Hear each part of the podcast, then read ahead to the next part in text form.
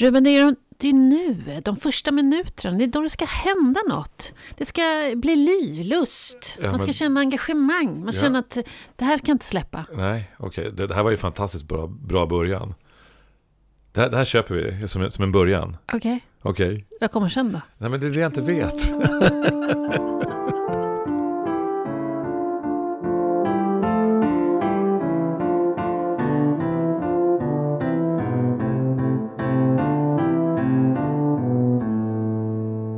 Får jag fråga hur du mår? Mm. Ja. Jo, men jag, jag mår bra. ja. Jag ser det börjar lacka mot jul. Okej, för Ja. dig också? Ja. Och det är jättehärligt. Jag tycker väldigt mycket om att vara ledig. Ja. Och jag ser verkligen mycket fram emot det. Mm. Även om jag tycker, älskar mitt jobb. Men jag eh, älskar nog ledighet ännu mer. ja. Mm. Hur är det med dig? Tur, tur det skulle jag säga. Ja. Det är alltid lite oroväckande tycker jag när folk älskar sitt jobb mer än att vara ledig och Ja. umgås. Och, ja, fast det beror också på vad man har för jobb. Ja, Ibland är det ett liv, liksom. ja, det stämmer. Ja, En livsstil. Så är det ju. Ja. Så är det ju. Du, vi pratade förut om det här med att det finns mycket nätverk för kvinnor, men det finns inte lika mycket nätverk för män. Och då sa du att du har varit i ett manligt nätverk. Ja, eh, jag tror inte man kallar det för nätverk då. Nej, Så vad var det nog då? eh, mansgrupp. Mansgrupp. Ja, och det är faktiskt väldigt... Låter väldigt 70-tal. Låter som någonting pappa var med i. Ja, eh, det kan ju du få tycka om du vill. Men det var det alltså inte. Men det är ganska länge sedan. Det är nog det, det det är 30 år sedan. Alltså det, det var Ja. när jag fick mina, för, mina barn, mina första barn. Eh, Så jag var ju i eh, 25-årsåldern. Mm. Eh, Och jag minns det som att det var väldigt viktigt för mig. Mm. Att vara i en grupp som, dels att jag var ung pappa med äldre män. Mm. Eh, som hade både barn och eh, även sådana som var farfar. Att det fanns någonting där av, av samtalet liksom igen. Hur vi pratade med varandra och eh, eh, som, som var väldigt, väldigt stärkande. Mm. Vad pratar ni om till exempel? Nu är det li- väldigt länge Ja, sedan, det är jag förstår väldigt det. länge sedan. Men eh, 23 februari hade vi... Nej. jag kommer inte, men alltså det var alltså, hur vi förhöll oss. Hur, man, hur, vi förhöll oss som män liksom, till att, att vara pappa. Och, och eh, Manligt föräldraskap. manligt föräldraskap. Och Mm. eh, eh, också känslan av utanförskap eh, som man när, när barnet eh, kom och Mm. var så upptagen av sin, av sin mammas bröst och Mm. amning och sådana saker. Jag, jag tror att det var, det var, det är ju faktiskt ganska länge sedan. Mm. Men jag minns det som ett, som ett fint stöd i Mm. tillvaron. Och Mm. jag, jag tänker, eh, varför vi började prata om det, det är för att, att jag eh, upplever att vi män ofta, och det, det visar ju forskningen på också faktiskt, att eh, framförallt äldre män lever i ensamhet. Eh, Det är faktiskt eh, till och med så. Det har inte, mm, den senaste undersökningen jag såg den visar inte att det var äldre män utan killar generellt. Att en Aha. av fem män i Sverige har inte en enda nära vän. Nej, just det. Och att de som vill ha nära vänner inte riktigt vet hur de ska göra för att få det. Nej. Och det är ju svårt när man är vuxen att få nya vänner. Ja, Det kan det ju vara. Man Ja. måste röra sig utanför sin lilla inre krets. ja, precis. Eller att man eh, försöker ta, ta tag i den inre kretsen till att börja med och Mm. fråga dem som, man, som finns där. Mm. Men det är väl just det här eh, hur umgås män om vi inte, ja då för att då, eh, alltså, om vi inte tittar på fotboll och knäcker en bira liksom. Ja, eller hugger ner träd eller någonting sånt Ja, just det. Bygger något. Och, Ja. Fast å andra sidan så, så tänker jag så att, att, att all, all, allt sätt att umgås på behöver faktiskt inte vara att man pratar med varandra. Utan det, det finns faktiskt ett rätt schysst sätt att... att Hur gör man då? ja, men jag tycker att, att göra någonting tillsammans, det, är också ett sätt att umgås på, tycker jag. Eh, jag tycker det är rätt, jag tycker det är kul att till exempel att laga mat tillsammans Mm. med, med andra. Mm, jag älskar det. Ja, Jag tycker det är bland det roliga sättet att umgås faktiskt. är att laga Det blir liksom lite otvunget då ja. också. Samtalet blir lite otvunget. Och man rör sig Ja. och, och de allra flesta är ändå på ungefär samma nivå. Sen finns det några stjärnor, men de allra flesta är ungefär på samma nivå. Så att det, Ja. man står där och hackar lite lök och morot bredvid varandra. Ja. Jag älskar det. Jag tycker Ja. det är jättemysigt sätt att umgås på. Men det, jag har ju hört att det finns fler och fler så här mansgrupper. Fast det heter ju inte mansgrupp nu för tiden. Nej. Utan, Nätverk heter ja, det. ja, Okej. Ja. där man, eh, det, det är ju rätt spännande. Mm. För som tjej så har det ju alltid funnits olika former av kvinnliga nätverk som jag kan antingen köpa, om man, ibland kostar det ju någonting att vara med i ett Ja. nätverk och ibland så, så organiseras det eh, ut, utanför. Mm. Men som kille har inte det varit alls på samma sätt tidigare. Förutom när du fick barn då, skulle gå, då fanns det ju uppenbarligen en mansgrupp. Ja, alltså jag tror att det har, finns eh, och har funnits hela tiden på olika sätt. Men det, jag tror inte att det är lika eh, givet bland oss män liksom, som Mm. hos bland, bland kvinnor. Mm. Eh, men det, det förespråkar jag faktiskt att vi ska umgås mer. Ja, det är jag också. Jag tror att det är jättebra för män att umgås med män. Ja. Ja, överhuvudtaget. Vilka otroligt bra råd vi har här. är du man, bjud ut en man på middag. Ja. Mm. Man, apropå man, vi har en gäst idag. Vi har en gäst, Ja, Henrik Holmqvist. han beskriver sig själv som en global handelsresande i barnets rättigheter. Mm. Och han har en bakgrund inom FN-rörelsen och Rädda Barnen och ECPAT International.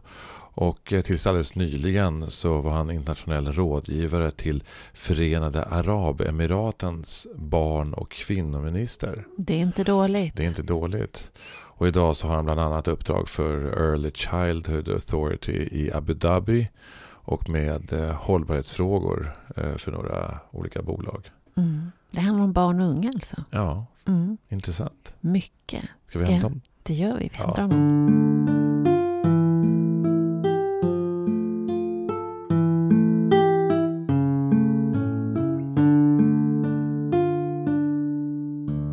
Varmt välkommen Henrik Holmqvist till mycket. poddmogna. Välkommen.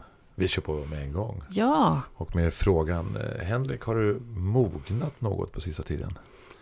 Jag skulle säga att jag kommer, jag kommer från en helg eh, där jag har varit på Rädda Barnens verksamhetskonferens i Norrköping. Ja. Där jag har mött eh, nästan 200 engagerade frivilliga från hela Sverige. Jag sitter i valberedningen för eh, Rädda Barnens riks, till riksstyrelsen. Och eh, det här mötet med de ideella krafterna, människorna som försakar familj och barn och, och i viss mån jobb för att slåss för det ideella.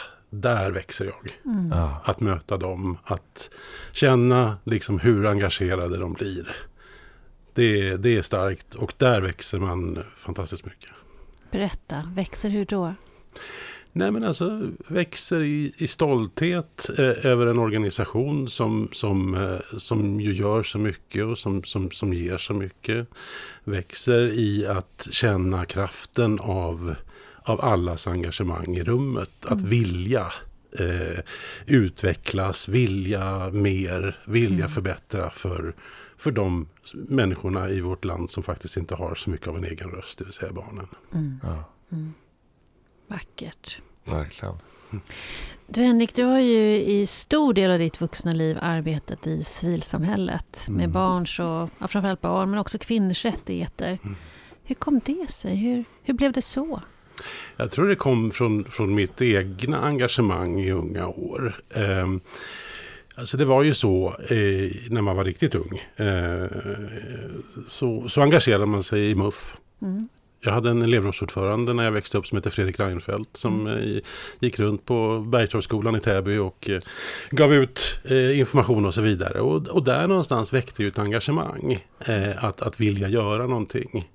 Eh, och, och just det politiska engagemanget var min startpunkt Mm. in i, i något som sen utvecklades till eh, att mer handla om eh, mänskliga rättigheter, barns rättigheter. Eh, och sen just gled jag över från att ha jobbat ideellt eh, in till att jobba professionellt Mm. med de här frågorna. Mm. Har det alltid varit var det, en självklarhet från början att det var i civilsamhället du skulle vara? Ser man till min bakgrund så, så, så, och, och, och, mina föräldrar och så vidare så är det definitivt inte det. Utan eh, det var någonting som kom eh, till mig eh, på något sätt som gjorde att jag kände att eh, här kände jag mig trygg. Och, och här kände jag, och och jag hade också en, en, en professionell resa där jag först kanske skulle bli mer, liksom, jobba med business och så vidare. Mm. Eh, så jag pluggade till det, jag började jobba med det, men jag kände att jag hamnade liksom inte rätt. Mm. Jag kände inte, jag behövde mer hjärta på något sätt. Och eh, då valde jag eh, efter några år att gå tillbaka till universitetet, läsa de saker som jag kanske ville göra från början, alltså statsvetenskap och det här. Och där också sedan glida in mer till att jobba med de här frågorna. Och började då på, ja mitt första egentliga riktiga jobb skulle jag vilja säga är Svenska FN-förbundet där jag började. Mm. Men när du säger så här att eh, om jag tittar på min bakgrund och föräldrar och så, så var det definitivt inte självklart. Det är inte alltid helt enkelt att göra en helt annan väg än den man kommer ifrån. Var det, var det enkelt för dig? Jag tror, jag tror att de i viss mån var ganska förvånande när jag eh, valde att engagera mig politiskt till exempel i, i väldigt unga år. Jag tror inte det kom eh, liksom eh, sådär. Det, det, det fanns inte riktigt på kartan. Men, men det var någonting som tilltalade mig vid den tiden. Och det, och det handlar ju väldigt mycket, när man är väldigt ung, handlar det inte så mycket kanske mycket om vilket politiskt parti det handlar om. Det handlar ju om liksom gemenskapen och kompisarna och, och festerna kanske i viss mån. Liksom. Utan, utan, eh, och det var ju där som blev ingången. Och, och, så det kunde ju varit vilket parti som helst. Mm. Ja, jag kommer ju själv ihåg, eh, vi är väl jämnåriga, MUF-festerna vill ju alla vara på. Faktiskt. Ja. Även- Minns du också dem? Jag minns också faktiskt dem. Ja. det där blev det faktiskt lite debatt om, minns jag. Det gällde ju även andra ungdomsförbund. För att man eh, var ju tvungen att, om det skulle vara sluten klubb, så Mm. blev man också medlem i partiet. Mm. Mm. Eh, och det där var ju inte helt tillrådligt. Eh, Jag kommer ihåg att det blev en debatt sen så småningom om det. Plus att de hade väldigt, väldigt snygga små fickscheman som man kunde ha. Alltså det var, Ja, just det. Som, som, det var ju lite hippt att ha precis MUFs eh, fickscheman, eller om det var MSU. Så att säga. Men det, det var en, eh, en, en... Och de var ganska duktiga också på att eh, liksom samlas. Man, man, man samlades på, på liksom utbildningar. Man lärde Ja. sig retorik. Man lärde sig hur man ska argumentera och hur man ska... Ja, alltså det var ju väldigt grundläggande demokratisk, en, en väldigt grundläggande demokratisk utbildning, Ja. skulle jag vilja säga. Eh, som var väldigt, väldigt bra. Ja. Mm. Faktiskt. Mm. En bra skola för, för alla oavsett vad man sen skulle göra. Mm. Såklart. Men du har också vuxit upp i många olika länder. Du var, eh, ni flyttade en del som Ja, familj. precis. Eh, det kommer sig av min pappas jobb. Eh, som, som tog oss till olika delar av världen. Och eh, framförallt kanske den tiden som formade mig nästan mest. För vi flyttade runt ganska mycket i Sverige också. Men så var det några utstickare så att säga. Tyskland och lite USA och lite annat. Men, men framförallt så var det när vi flyttade till Japan. Eh, och det var när jag gick i, ja det var efter åttan var det väl. Nej, det var efter Ja, det var, det var i, i, i relativt liksom sådär. Ja, det var ju först efter, efter andra året i gymnasiet, så var det. Mm. Ehm, och det blev en, en ganska stor vändpunkt för mig. Eh, jag kände inte att jag hade hamnat riktigt rätt. Jag kände mig inte liksom... Eh, vi hade flyttat från, från Stockholm till Västerås. Idag är det ju liksom en, ett pendlingsavstånd. Men då kändes det som att hamna på Mars. Eh, folk pratar konstigt och, och man förstod inte. Jag, jag kom liksom aldrig riktigt in i, i, i den atmosfären. Men sen då när vi flyttade ut till, till Japan. Då vet jag så väl min mamma sa till mig att nu tror inte jag att Henrik kommer komma tillbaka till Sverige. Mhm. Ehm, och- då hade hon fel visserligen. Men, men eh, det var väl någonting där som, som, som gjorde att jag... Eh, jag, jag, jag, fick en, en, identitet på något sätt. Jag, jag, jag hamnade i ett sammanhang som, där jag kände mig otroligt hemma. Mm. Eh, den här sättet att, att, att flytta runt, det gör ju att man givetvis inte känner sig att man har sina rötter. Man kan vara väldigt avundsjuk på folk som varje jul åker hem till, till sin stad där de har sina gamla kompisar och mm. de har liksom där. Men, men det hade aldrig jag. Nej. Jag hade aldrig den. Jag, lite grann min farmor och farfar som, som hade en lanthandel utanför Kristianstad. Eh, sedermera hade vi ett hus nere i Åhus med familjen. Men, men utanför det så hade jag aldrig någon sån där hemmabas riktigt. Mm. Mm. Och jag, det, blir, jag blir så nyfiken på vad var det i Japan som kändes ja. så hemma? Som jag, blev tror ditt... var, jag tror att det var hela, att det var så otroligt annorlunda. Samtidigt som, som man hamnade i en situation... Alltså jag är också uppvuxen... Eh, alltså, min gudmor eh, var min pappas gamla faster i San Diego.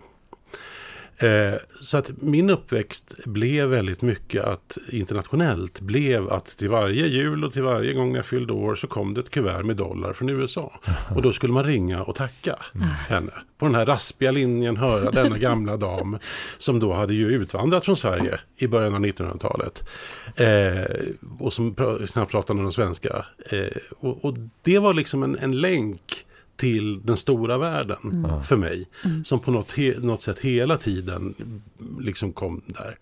Så att när vi väl hamnade i Japan, eh, ett land som ju blev otro var otroligt fascinerade eh, på alla sätt och vis.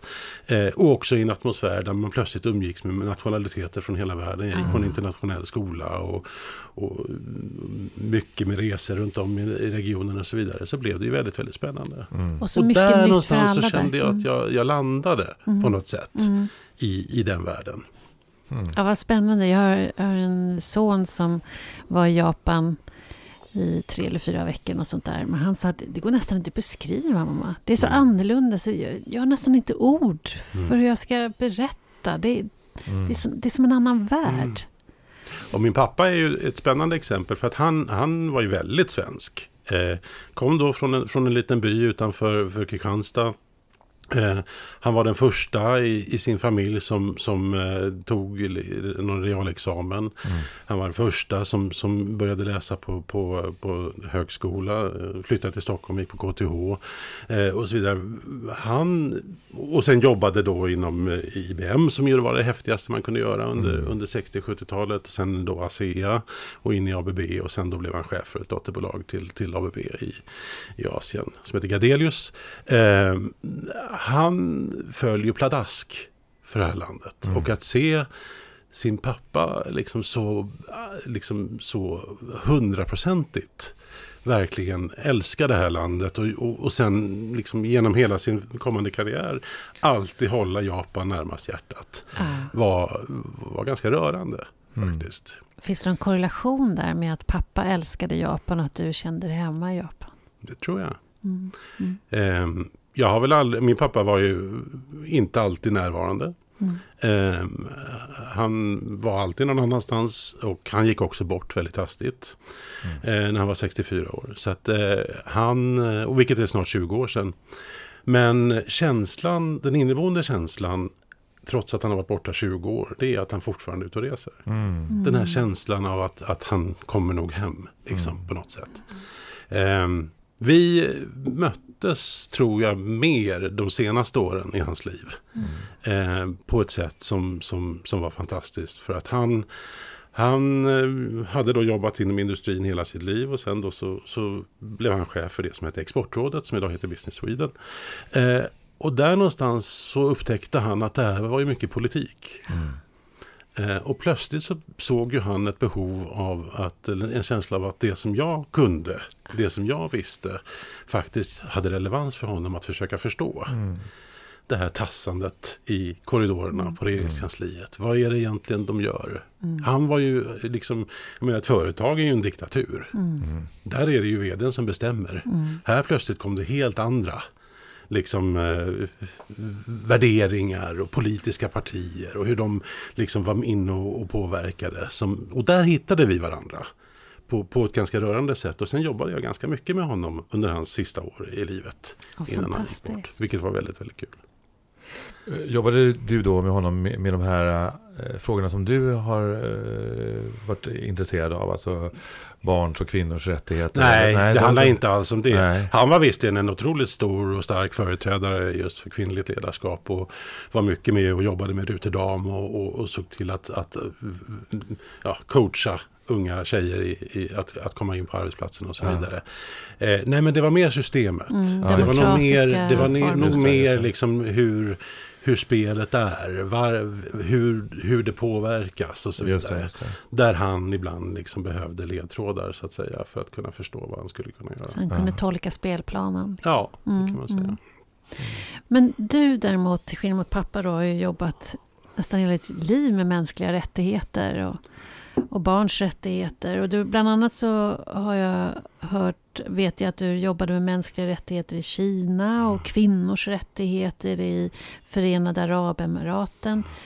Hur, hur är det att arbeta med mänskliga rättigheter i, i länder där motståndet är så stort? För det första gäller det ju att, att, att vara extremt påläst och förstå spelplanen. Det går aldrig att komma som, som blåögd svensk och försöka trycka ner våra värderingar eller våra sätt att se på saker. För att man måste, man måste se till, till var landet befinner sig eh, själva på något sätt. När det kom till Kina så är ju mänskliga rättigheter ju väldigt problematiskt att säga. Men barns rättigheter är inte problematiskt. För barnen är det viktigaste du har. Alltså one, one child policyn har ju gjort att du sätter ju all kraft neråt. Mm. Va? Vilket gör att barnets bästa måste komma i främsta hand, eh, rummet. Mm. För att det är barnen som ska bära sina föräldrar och morföräldrar på, på sina axlar Mm. på något sätt. Och då gäller det att gå den vägen Mm. in. Eh, att, att, att titta på hur man jobbar med, med, med just barn utifrån det perspektivet och uppåt. Och där, den satsning som vi, som vi gjorde i, i, i Kina med, med eh, Rädda Barnen som jag är väldigt stolt över var ju att sätta upp ett center för barns rättigheter och företagande.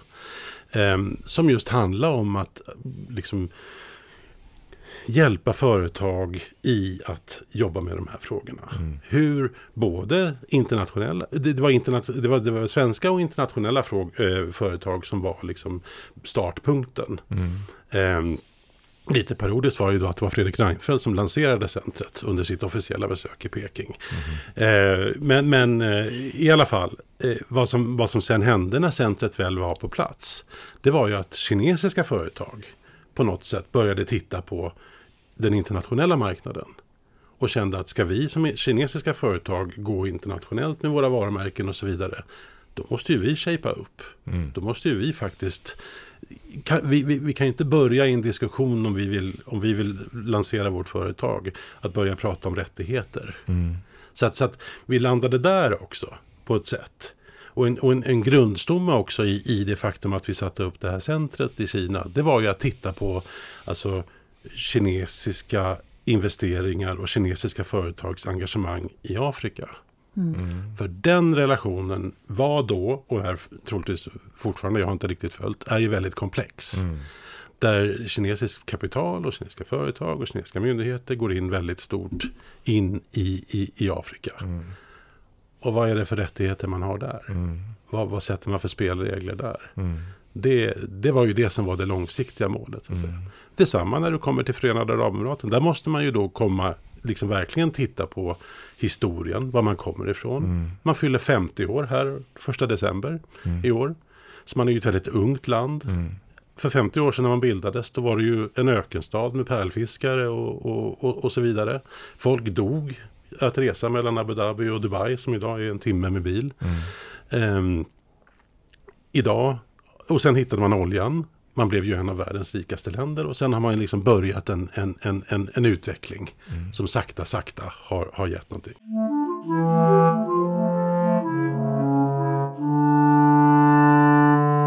Man har idag en, en, en, en lag för, för lika betalt för lika arbete mellan män och kvinnor. Mm. Parlamentet, och det är lite intressant, parlamentet har, jag tror det är 50 säten. 25 för män och 25 för kvinnor. Förmånen att få jobba med Förenade Arabemiratens barn och kvinnominister. Och jag skrev, hon skulle då hålla ett tal på, på um, internationella kvinnodagen för några år sedan. Och jag skrev ett tal och jag tänkte det här kommer hon aldrig ta. Mm. För det var väldigt svenskt. Det var väldigt mycket liksom, rättighetsbaserat och det var... Eh, men hon, hon tog det rakt av. Mm. Hon, hon strök någon liten obetydlig passus men annars läste hon det rakt upp Mm. och ner. Och det kom i tidningarna och så vidare. Mm. Men det som är intressant i det landet det är ju om, om, om det finns någon slags grundvilja eh, i det högsta ledarskapet att göra gott. Så är ju liksom kedjan till beslut väldigt kort. Mm. Hon berättade själv frågan om, om, om lika lön för lika arbete. Då hade de suttit med då eh, premiärministern på hans kontor eh, på just en sån här dag som främjade kvinnors ledarskap. Eh, och så hade han sagt, eh, men vad, vad mer kan vi göra? Vad mer kan vi göra för, för, för kvinnors rättigheter egentligen? För, att, för att det ska bli bättre. Och då hade någon sagt att ja, alltså det här med med lika lön för lika arbete är ju en sak som de har i vissa länder. Som, som faktiskt är väldigt viktigt för att visa på att vi är, vi är lika. Och då hade han, hon, han tittat på henne och sagt, men har vi inte det? Nej, det har vi inte. Ja, men då bestämmer jag det. så be, be, beslutsgången blir väldigt kort. Ja. Och så kallade han till sig någon av sina, sina assistenter och så skrevs det ihop ett pressmeddelande och så skickade de ut det. Ja. Så att, så att hamna... Som ett litet företag. Jo men så är det ju. Mm. Alltså, det, det, det är ju så. Va? Och, och det där kan du ju utnyttja. Givetvis. Mm. Eh, det kan slå åt andra håll givetvis. Men, men, men har du koll på systemet och utnyttjar systemet på rätt håll så kan du ju åstadkomma enormt mycket gott. Faktiskt. Och det här är någonting som, som eh, också eh, levs upp till i realiteten. Ja, det gör Ja, det faktiskt. ja. Så de har, de har lika lön för lika arbete. Ja. Och de Jag- flyttar jag tänk- hel... Jag tänker till exempel med barns rättigheter, till exempel om du nämnde i Kina och Mm. mänskliga rättigheter. För mig blir det en krock Mhm. eh, lite grann. Eh, jag tänker också på, eh, också utifrån att jag självklart ser det med svenska ögon, Mm. på barns rättigheter. Och min erfarenhet av det lilla som jag, jag har varit i Kina, så har man en, en annan relation Mm. till barnet och hur barnet ska eh, växa upp och vad det ska bli och vad, det, vad barnet är till för. Hur är det att för, förhålla sig till? Man måste ju hela tiden se långsiktigt. Alltså det finns inga quick fix någonstans. Nej, Utan man måste ju liksom Man måste så frön. Man måste tänka på att om vi nu börjar Det är givetvis så att börjar vi med att stärka barns rättigheter och jobba aktivt med barns rättigheter Mm. i Kina till exempel. När de växer upp, vad händer då? Mm. Nej, men de kommer ju inte tolerera att ha mindre rättigheter när de blir äldre än när de är barn. Mm. Så att sakta kommer det ju förskjuta liksom diskussionen kring vilka rättigheter man har. Mm.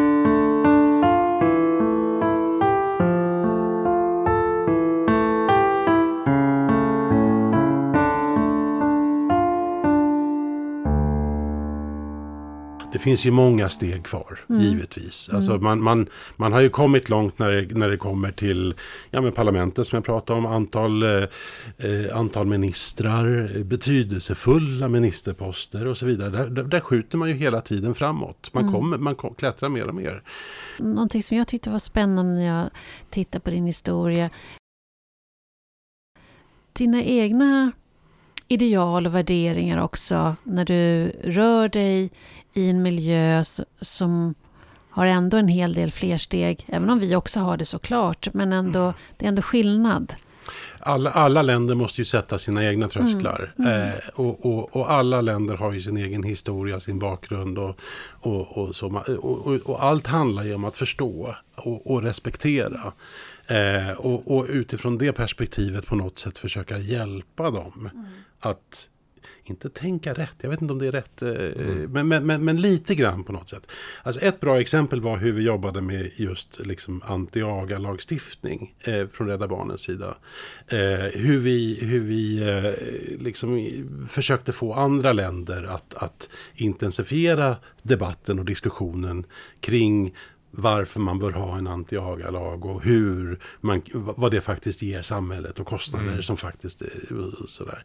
Och då gjorde vi väldigt handgripligt att vi åkte ut till olika länder. Vi plockade med oss eh, några eh, fantastiska riksdagsledamöter. Vi hade Morgan Johansson och Ulrika Karlsson eh, till exempel. Vi hade en eh, professor i just kring våld mot barn eh, som, som åkte med och så åkte vi ut. Vi träffade civilsamhället. Vi var i Kina. Nej, vi var inte i Kina. Vi var i, i Sydkorea. Vi var i, eh, eh, vi var i Japan. Vi var i, på Filippinerna och vi var i Indonesien. Nå- några olika rundor sådär. Mm.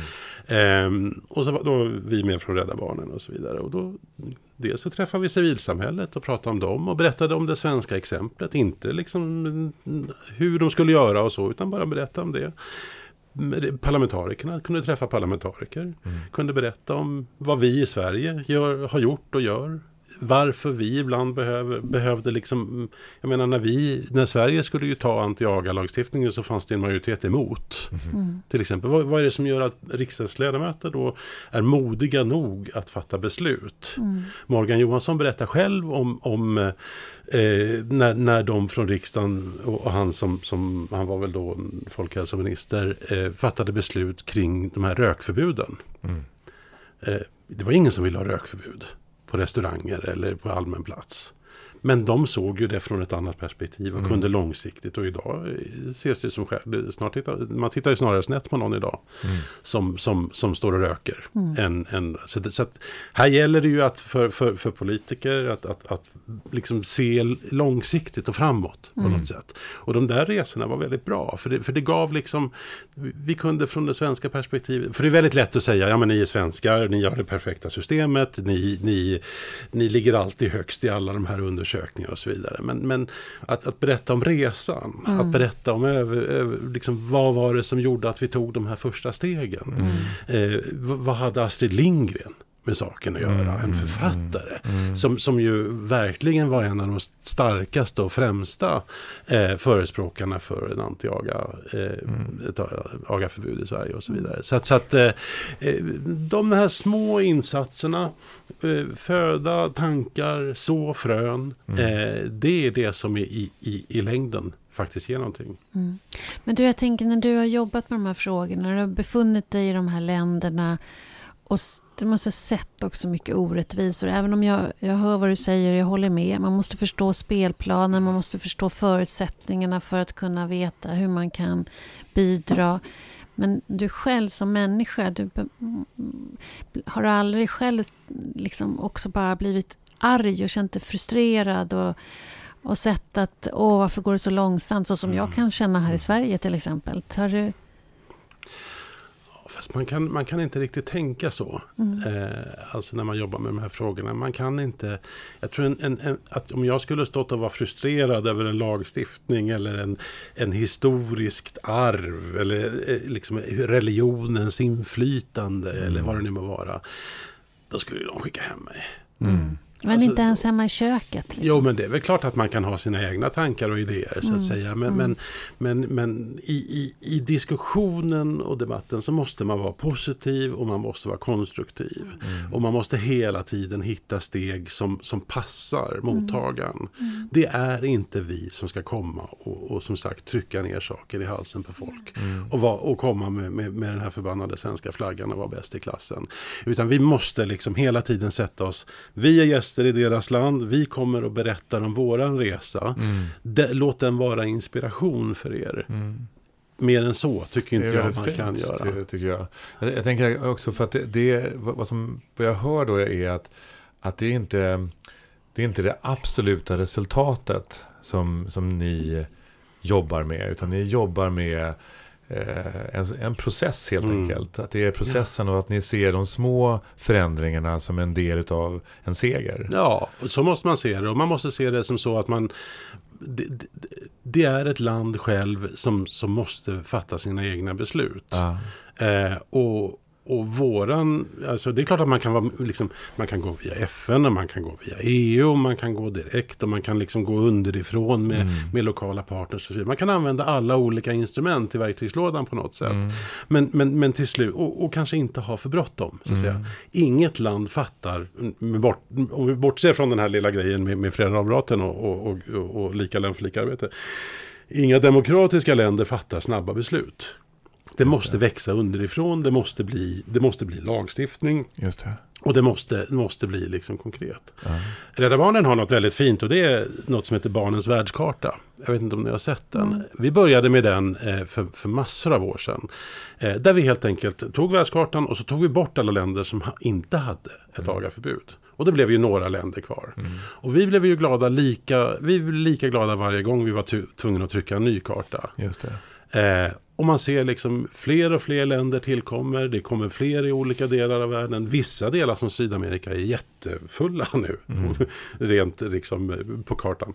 Mm. Eh, och andra kommer liksom lite svagare och så vidare. Mm. Men det finns en, en, en, kraft i det visuella. Mm. Att se den här kartan sakta växa fram. Mm. Liksom. Och, och, det är ju där man vill se. Alltså att, att länder faktiskt ska vilja vara där. Mm. Att, att, att ett land går in i det som heter globala partnerskapet kring våld mot barn mm. och faktiskt tar en aktiv roll och säger att vi vet att vi har problem men vi vill faktiskt göra någonting åt det. Mm. Och, och, vi vill också hjälpa andra. Mm. Liksom. Där tror jag, den kraften är den som blir viktig i sådana mm. sammanhang. Mm. Och så finns det också, det har väl också varit en tid här också av bakslag. Eh, ja. När det gäller, jag tänker Ryssland gick ju raka motsatsen eh, till det här eh, till exempel. Och, och, och hela, hela pandemin har ju gjort att, att liksom det är bakslag på bakslag. Ja, alltså, siffrorna av, av, av, barn som mår dåligt idag mm. är ju högre än någonsin. Mm. Siffrorna på barn som, som, som har tappat ett, kanske två år av utbildning mm. är ju i hundra miljoners klassen. Mm. Våld i nära relationer. Ja, ja. Så att, det, är, det är ingen bra tid eh, när vi kommer till att, att titta på hur vi efterlever och uppföljer på, på de här så kallade hållbarhetsmålen. Mm. Det, det går inte bra.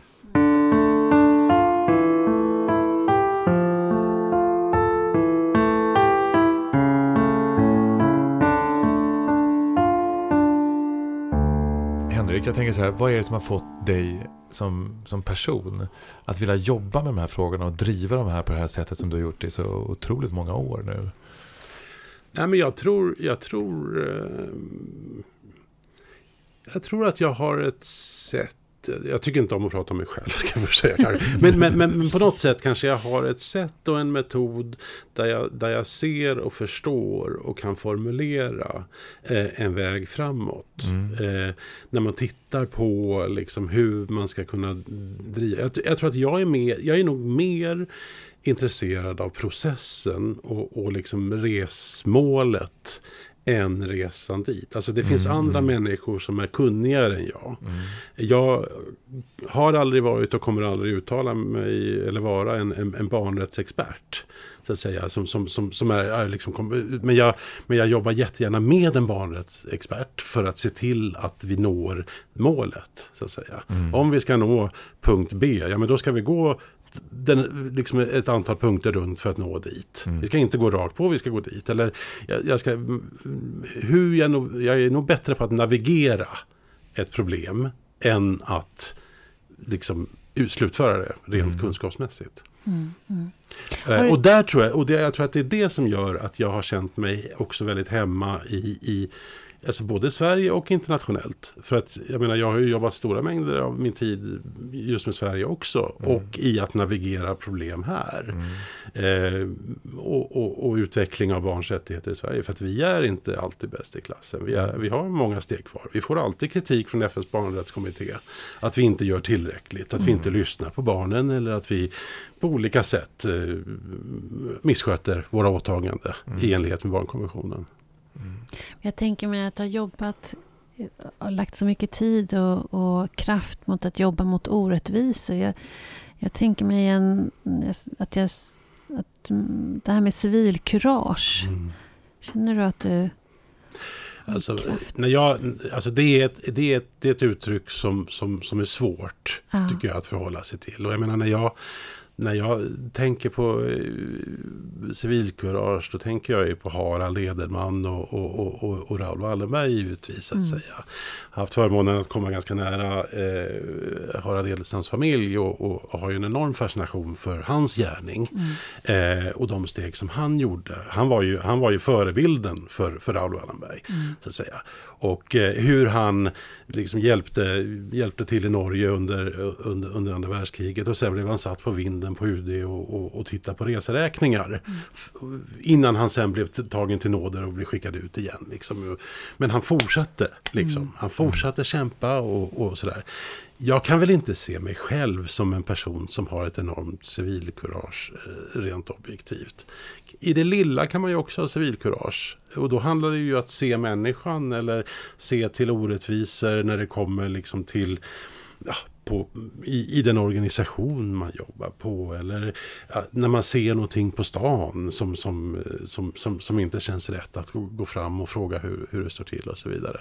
Civilkurage för mig blir de stora frågorna. Mm. Det blir Anders kompass. Det blir liksom när man faktiskt har gjort ett stort liksom, statement av någonting som inte är rätt. Det har varit ett högt pris. Liksom. Ja, precis. Mm. Det är inte ett högt pris för mig att säga till min chef att hon är en skitstövel. För att hon hanterar en medarbetare på ett dåligt sätt. Mm. Det, är, det är medmänsklighet. Jag Fast jag tänker att det är väldigt många som inte skulle ha gjort det. Jag tänker att... Jag tänker nog att civilkurage är också, också de små handlingarna. Att vi, mm. Men om det är medmänsklighet eller civilkurage, det, det kanske är... Men det är en etikettering, så att säga. Det är nog bara mitt sätt att se liksom att eh, liksom, civilkurage blir väldigt brett. Ja. Då liksom. Eh, civilkurage light kanske, där, där kanske man är liksom. Men det är klart, jag menar Men är det alla... viktigt för dig, medmänsklighet då? Att säga ja, ifrån att... Jo, men alltså i den mån man, man måste ju alltid göra ett avvägande. Mm. Så att säga, när man, när man ser en situation eller när man upplever en situation. Men, men, men, men någonstans så, så handlar det ju om liksom att, att våga Eh, och det handlar också om att utmana och, och, mm. och, det handlar också om att känna att, att eh, jag faktiskt gjorde rätt. Mm. Om det är en person som av någon anledning far illa på grund av eh, en chefshavanden, då är det ju nästan min plikt att, att, att, att, säga till, i alla fall säga till att jag ser det där. Mm. mm. Jag ser vad du gör och det är inte okej. Okay. Mm. Men sen är det upp till den personen att kanske hantera det mm. efteråt. Mm till att liksom ta nästa steg och, och kanske om, om, man ska använda rapporteringsvägar och så vidare. Men, men, men nej, jag, jag, försöker i alla fall eh, vara liksom eh, Nej, men jag tycker att alla, ska, alla har sin plats att fylla och mm. alla, alla är också egna individer som har olika sätt att hantera och göra saker. Och det måste man ha full respekt för. Mm. Oavsett om du är svensk eller internationell. Mm. Mm. Och ditt engagemang för barn, Eh, kommer det ur en egen erfarenhet? Nej. Nej, det, blev, det är nästan bara slumpen skulle mm. jag vilja säga att mm. det blev. För att jag, jag jobbade på Svenska FN-förbundet eh, som är en fantastiskt fin eh, organisation eh, som gör väldigt mycket gott och, och, och, hade fantastiskt bra. Men jag sökte mig, jag ville, jag ville komma till en större struktur mm. helt enkelt. Och eh, då såg jag helt enkelt ett arbete eh, som, eh, som ansvarig för, för medlemmar och, och konstitutionella frågor på Rädda Barnen och sökte det och fick det. Eh, och då blev det barnfrågor. Mm. Eh, och, och, barnfrågan tog tag i mig under de sju, åtta åren som jag var där. Mm. På ett sätt som jag nog inte riktigt trodde att de skulle göra. Mm. Eh, någonting som också skulle kunna göra att jag idag inte känner att jag skulle vilja gå in och börja jobba. Inte för att de frågorna är oviktiga, men jag tror att jag inte skulle kunna motivera mig riktigt på samma sätt att jobba med miljöfrågan eller mm. djurens rätt eller vad det nu må vara. Så att säga. Jag har nog hamnat i det facket mm. någonstans där, där barn och ungas livsvillkor är det som jag känner är viktigast i min gärning i alla fall. Mm. Och där det... finns det kopplingar sen till kvinnor och andra frågor som, som, som givetvis, ja mm. precis. Mm. Att, mm. Har det påverkat din, ditt eget eh, föräldraskap? Att du har jobbat så mycket med barn och barns Nej. rättigheter? Ja, det får du skulle nästan fråga mina barn om. eh, men ja, alltså... Å ena sidan ja, å andra sidan nej. Jag menar, jag har ju, jag har ju fått göra uppoffringar eh, i, i min familjs liv på grund av att jag har fått ta jobb utomlands. Mm. Så att säga, och, och, att jag också har rest väldigt mycket. Eh, att, att resa mycket i tjänsten är ju bara ett ok egentligen. Det finns ju ingen glamour överhuvudtaget. Mm. Eller väldigt liten glamourfaktor. Att, att, att se taxibilar och hotellrum och sitta ensam och, och, och stirra ut genom ett fönster. Och, mm. och, och, försöka på något sätt ha en bra kontakt med sin, sina barn via Skype. Liksom. Men, men, eh, och jag har jobbat, eh, jag satt på Ecpats huvudkontor i Bangkok lite över ett halvår. Och, och, och också nere i Förenade Arabemiraten. Så det är klart att att på den sidan så kanske jag inte känner, men å andra sidan så känner jag att jag har försökt vara en väldigt närvarande förälder. Jag har försökt liksom verkligen se mina två, jag har mm. två pojkar. Eh, och jag har verkligen försökt hjälpa dem och finnas för dem när jag väl har funnits hemma. Så att säga. Mm. Då har jag försökt ha ett, ett, en, en stor kraft i att ja, stödja dem i sina sportgrejer mm. i skolan mm. och så vidare. Mm. Men, men det, är alltid kvin, det är alltid kvinnorna som får ta, liksom, jag menar, jag har en fru som har tagit ett väldigt stort ansvar. Min mamma tog ett fantastiskt stort ansvar. Mm. Alltså min mamma kan inte jag nog höja till skyarna i det sättet som hon tog hand om vår familj och blev liksom centralpunkten som alltid gjorde att man kände trygghet. så att säga. Mm. Pappa var någon annanstans. Mm. När pappa mm. kom hem blev det ju nästan lite fest. Mm. Eh, han eh, kom hem med lite presenter, lite fotbollströjor från, från olika konstiga länder. Eller något. Han brukade gå in, han visste att, att jag och min äldre bror var väldigt intresserade av musik. Um, och, eh, så han gick alltid in i skivbutik var han var i världen och frågade efter de, de tre mest populära singlarna. Så då kom det hem jättekonstiga mm. saker. Sådana saker brukade han komma hem. Vilket var väldigt kul men, men, eh, och som vi hade väldigt roligt åt. Men eh, Ja, i, mm, I min uppväxt har man också pratat väldigt mycket om barns rättigheter. Min morfar var med och startade BRIS. Så det mm. var, alla har suttit i BRIS-telefoner ja, och sådär. Ja. Och när mina barn var små, då, då stod det telefonnumret för BRIS stod på kylskåpet. Så fort de inte tyckte att jag gjorde rätt och riktigt, så bara, äh, nu får jag nog ringa BRIS. ja. Men jag försökte liksom inkludera mina barn i mitt arbete. Jag, liksom, de var med till Almedalen på, på, på somrarna och, mm. och fick möjlighet att, att, att, att uh, vara med och diskutera och gå omkring om de ville och så vidare. Jag, jag var nere i, i Förenta Arabemiraten här för några veckor sedan eh, när de invigde den svenska paviljongen vid världsutställningen. Då hade jag med mm. min yngsta son. Eh, han fick gå runt där i mörk kostym i 40 grader värme och, och, och, och, prata med ambassadörer och så vidare. Ja. En enormt bra skola ja. för, för, att försöka förstå och lära vad, vad pappa egentligen gör. Ja. Du har ju varit i en verksamhet, eller varit i en bransch ska vi säga, där 80% som jobbar är kvinnor. Där har ju du varit en minoritet som man. Mm. Hur har det varit?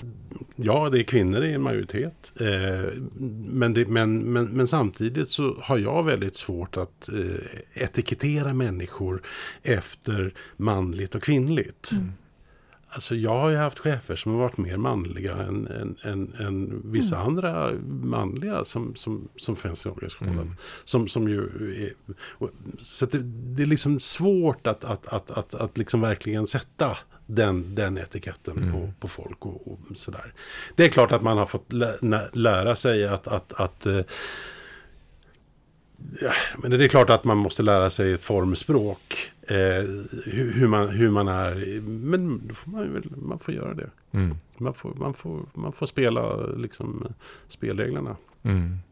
Jag, jag, tänker också, varför kallar vi det för mjuka frågor? Är det för att det just handlar om kvinnor och barn? Eller varför har det här hamnat på... Mm, inte infrastrukturer och Nej, teknik. Det, det handlar inte kvinnor och barn, men människor. Ja. Så mänskliga rättigheter, människors mående, ja. brukar man säga, mjuka frågor. Precis. Mm.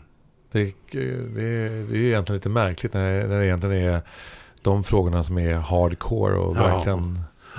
Men det är ju det är frågor å andra sidan också som är svåra att mäta. Mm. Alltså jag vet inte om det har med det att göra. Alltså det, det, det, är svårt att mäta utveckling. Mm. Det är mm. svårt att, att mäta politisk påverkan mm. eller vad det nu må vara. Mm. Alltså, och, set, och, speciellt när vi är så otroligt fixerade med att hela tiden se vad allting kostar. Mm.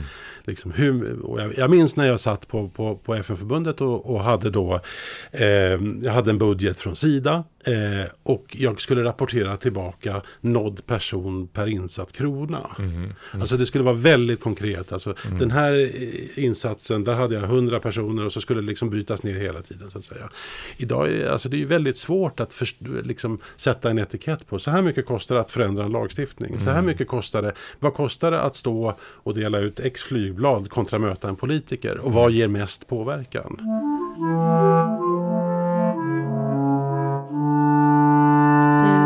Jobbat då med barns rättigheter så länge. Vad tror du är det man verkligen avslutningsvis i ett samhälle ska titta på för att stötta och utveckla förutsättningar för barn och unga att växa och utvecklas självständigt? Ja, alltså det är ju en väldigt, det är en väldigt svår och, och blir ju nästan lite filosofisk ja. säga, fråga. Eh, som är väldigt svår att besvara. För att, för att samtidigt som att vi, vi, vi, vi, vi kan ju se en utveckling här och nu hur saker och ting kan gå. Men det finns ju en omvärld som utvecklas också som vi pratar om. Mm. Vilket gör att det, vi, vi liksom springer mot ett rörligt mål. Mm. Och, och, och det här rörliga målet kan ju plötsligt förskjutas jättemycket. Mm. Som, som, som, som ni sa. Så, att, så, att, så att det är väldigt svårt att, Mm. att på något sätt.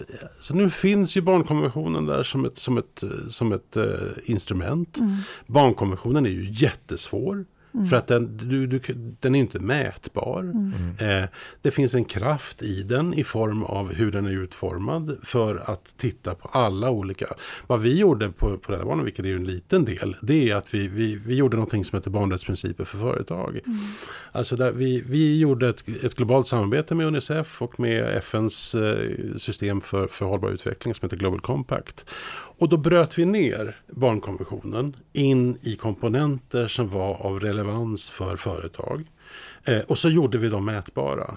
Och så tittade vi på hur, hur företag i olika hänseenden faktiskt vidrör ett barns liv. Mm. Eh, ur massa olika vinklar. Allt från miljöhänseende till, till barnarbete till, Mm. till inkludering av samhället och så vidare. Jag tror man måste försöka bryta ihop det på något sätt. Man måste, Mm. försöka, man måste liksom se de här olika beståndsdelarna Mm. på något sätt. Och få det till en helhet som sen faktiskt ger en, en, en bättre värld för barn. Man kan inte bara titta på PISA-undersökningar eller liksom kortsiktiga lösningar. Eller ska vi, ska vi, ska vi sänka liksom, åldern för rösträtten till 16 år? Ja, jag vet inte. Ja, det, det, det är en komplex fråga. Mm. Kan det leda någon vart att barn faktiskt får större inflytande över sina egna liv? Jag vet inte. Det Mm. skulle kunna vara en möjlighet. Mm. Kanske mer inflytande i sina egna liv. Jaha. Ja, det låter fint. Ja, det låter väldigt fint. Tack Henrik Tack Henrik. för att du kom till Podd Mogna. Tack, jättetrevligt att vara här. Tack.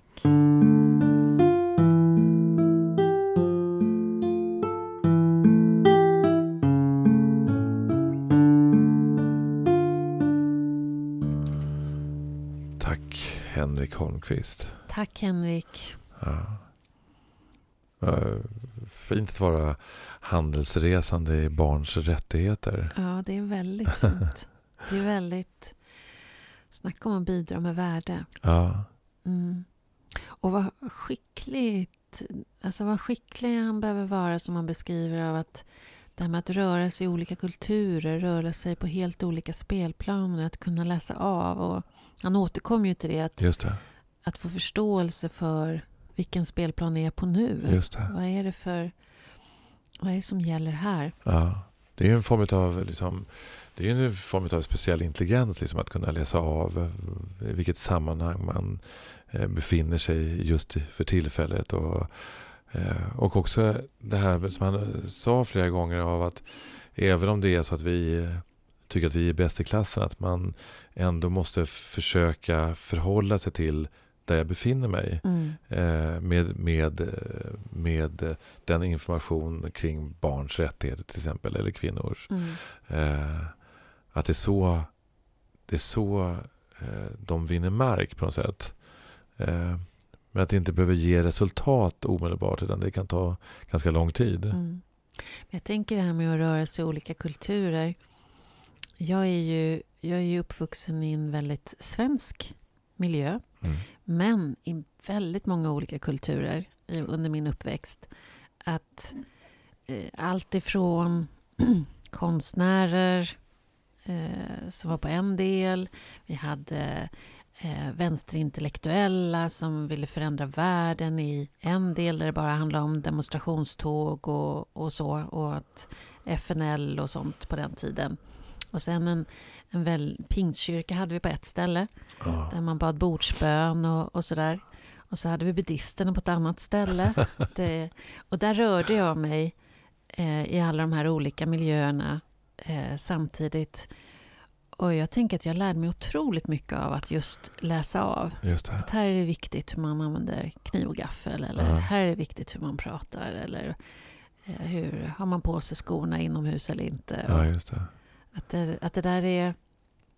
Det är också någonting eh, som, som man lär sig. Att förstå vilken miljö man är i. Och jag, jag blir alltid lika fascinerad när någon kliver in och man ser att allt går fel här. Ja. Hur, hur sjutton kan, kan det vara att han inte förstår? Ja, så där just gör man inte här. Nej. Ja, det där är... eh, det finns ju någonting, jag tänker jag dra eh, det hela tiden någonting helt annat. Men jag, för jag tänker ibland när vi pratar om, om invandringen och så vidare. Mm. Att, det, att det är klart att, att vi som, eh, som tar emot våra gäster eller de som ska bli eh, naturaliserade svenskar. Att, de, eh, att vi ska visa vad vi har att erbjuda. Mm. Men det finns ju också någonting när vi faktiskt kommer till ett land där man eh, ska visa också att man tar seden dit man kommer. Mm. Mm. Att det finns en, en dubbelhet liksom. Det här att, eh, att eh, vara just eh, finkänslig Mm. eh, i det där. Det är en konst faktiskt. Det är en konst. Ja, Och framförallt är ja, det är en kompetens ja, som man tillskanskar sig. Det är ingenting man föds med, utan man får ju lära sig. Och det där är ju, jag tänker att det där är ju... Det, det, är ju, finns ju inget rätt eller fel, utan det handlar ju också om att lära av... Det behöver ju inte vara rätt, det som är i en kontext. Det kan ju vara alldeles tokigt. ja, verkligen. Och så då gäller det ju att kanske utmana det istället Ja, för att ja. anpassa sig. Och samtidigt så finns det vissa saker som det faktiskt är så att eh, där diskuterar man inte till exempel vad vi anser om aga, till exempel barnaga. Eh, det är ju inte lika självklart i vissa delar av världen nej. att man inte ska slå sitt barn. Men för oss är det otänkbart. Mm. Det är, och där skulle jag med en fas faktiskt hävda att vi gör rätt. Ja, jag med. Bäst i klassen skulle jag hävda då. Ja, faktiskt. Ja, Det tycker jag är ett rätt bra avslutande ord också. ja det tycker jag. Tack för idag. Tack.